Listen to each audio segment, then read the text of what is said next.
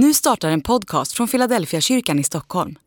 Om du vill komma i kontakt med oss, skriv gärna ett mejl till hejfiladelfiakyrkan.se. Dag 149. Ett bord.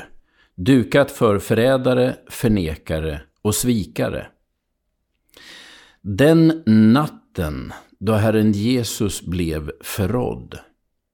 Första Korintierbrevet kapitel 11 och vers 23. Man kan kanske formulera om de inledande Paulusorden om nattvarden. Den natten då Herren Jesus blev förnekad. Eller den natten då Herren Jesus blev övergiven. Vem var det som förrådde Jesus?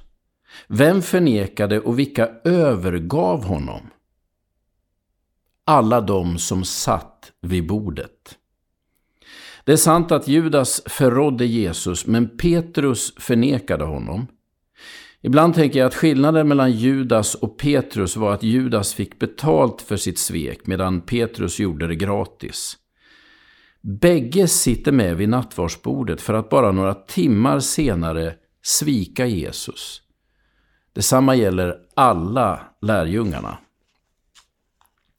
Varför firar Jesus denna måltid tillsammans med lärjungar som kommer att svika honom en efter en? Svaret är enkelt. Om Judas inte hade varit en förrädare och Petrus inte varit en förnekare och alla de andra inte varit svikare, ja då hade aldrig någon nattvard behövts. Vi firar nattvarden för att påminna oss om att vi som möts vid bordet behöver frälsas. Vi är förrädare, förnekare och svikare.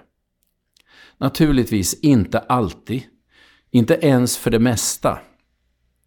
Men det händer att vi också förråder dem vi älskar mest, förnekar det vi håller högst och överger det vi en gång svurit trohet till.